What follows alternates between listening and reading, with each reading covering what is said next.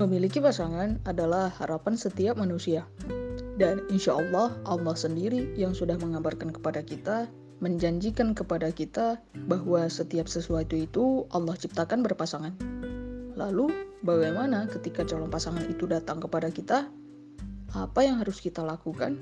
Yuk tonton selengkapnya hanya di channel YouTube MMC.